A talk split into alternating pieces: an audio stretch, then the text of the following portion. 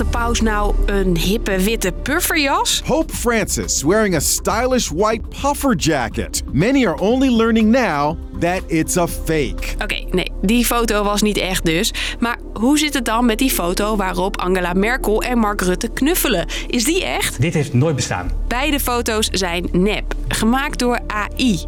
En ook al kunnen deze voorbeelden niet zoveel kwaad, toch trekken experts aan de bel. Nou, het gaat nu opeens wel erg snel. Kunstmatige intelligentie ontwikkelt zich sneller en sneller. Moeten we bang zijn dat AI ons inhaalt? Dat zoek ik, Hilde, voor je uit. Lang verhaal kort. Een podcast van NOS op 3 en 3FM.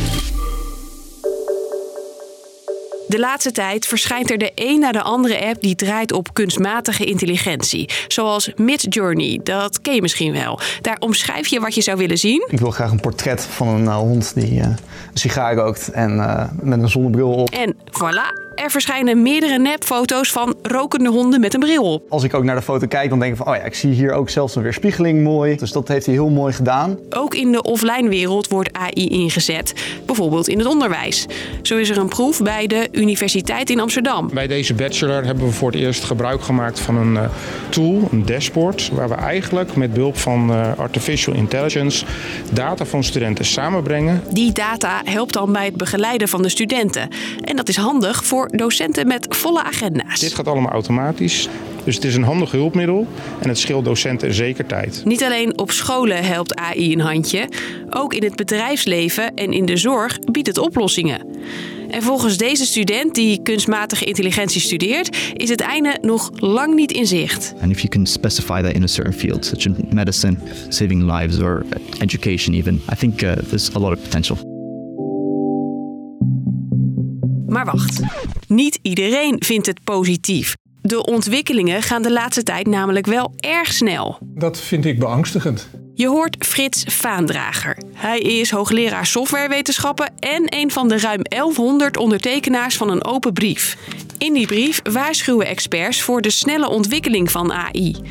Ook Twitterbaas Elon Musk en Apple-oprichter Steve Wozniak hebben hun krabbel daaronder gezet. De boodschap pas op. We weten niet precies welke data er zijn gebruikt om die modellen te trainen. We weten niet precies hoe ze in elkaar zitten. Veel van de AI-apps en tools zijn in handen van grote commerciële bedrijven. Ja, nu is het een commercieel gebeuren waarbij uh, investeringen van grote bedrijven bepalen wel wat er, gebeurt, wat, wat er vervolgens met die technologie gebeurt. Alle kennis en daarmee dus ook alle macht ligt in handen van die bedrijven. En er ligt nog meer gevaar op de loer. Al die teksten, afbeeldingen en video's die gemaakt worden zijn steeds realistischer. Dat kan zorgen voor wantrouwen, zegt AI-expert Job van den Berg. Dat mensen niet weten of wat nou echt of wat nep is, of dat het nu zo goed is die foto's, dat je niet meer echt van nep kan, kan onderscheiden. En die ontwikkelingen rondom kunstmatige intelligentie gaan ook nog eens razendsnel. Ja, dan, dan kunnen we dat tempo niet bijhouden als mens. Uh, en weet je ook niet precies wat nou AI ons uh, kan brengen en op kan leveren. En ook de maatschappelijke, wat de maatschappelijke impact is. Volgens hoogleraar Frits Vaandragen is er maar één manier om die sneltrein te stoppen. Tijd voor een pauzeknop. Alleen, heeft zo'n pauze wel zin? En is het niet gewoon een kwestie van wennen? Ik heb gewoon een telefoon, waarvoor moet ik een mobiel hebben? Net als bij mobiele telefoons. Ik heb een antwoordapparaat en dat is prima. Maar net zoals mobiele telefoons gaat AI ook niet meer weg. Het gaat sowieso ons leven veranderen. Je hoort AI-expert Job weer. AI gaat niet de mens vervangen, laat dat duidelijk zijn. Maar mensen die AI niet omarmen en gebruiken gaan wel vervangen worden. Een beetje zoals de mobiele telefoon dus. Dus gaat zo'n ontwikkelpauze echt iets oplossen? Job betwijfelt het. Ik vraag me af of het kan, omdat het ontwikkelen van AI-modellen is op zoveel plekken in de wereld. Verschillende bedrijven zijn ermee bezig. Dat het lastig is om dat zomaar te kunnen doen of in ieder geval voor elkaar te krijgen. Tenzij er regels komen waar iedereen zich aan houdt, is het afremmen van AI moeilijk. Met de brief willen ondertekenaars mensen vooral bewust maken van de zorgen die er zijn. Ondertussen proberen politici ook iets meer controle te krijgen met de nieuwe AI-wet. Dat is in ieder geval een, een wet die dus over, voor heel de Europese Unie geldt.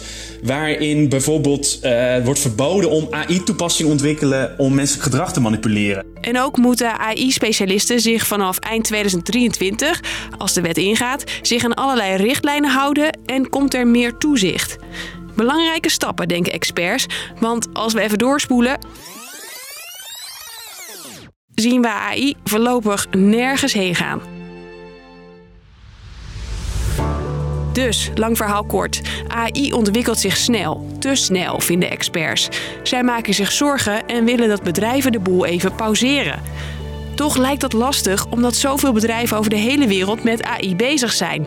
In de EU wordt er ondertussen wel gewerkt aan een nieuwe wet, zodat ze daar iets meer invloed krijgen. Want één ding is zeker: AI is here to stay. Dat was hem weer voor vandaag. Morgen weer een nieuwe. Joe!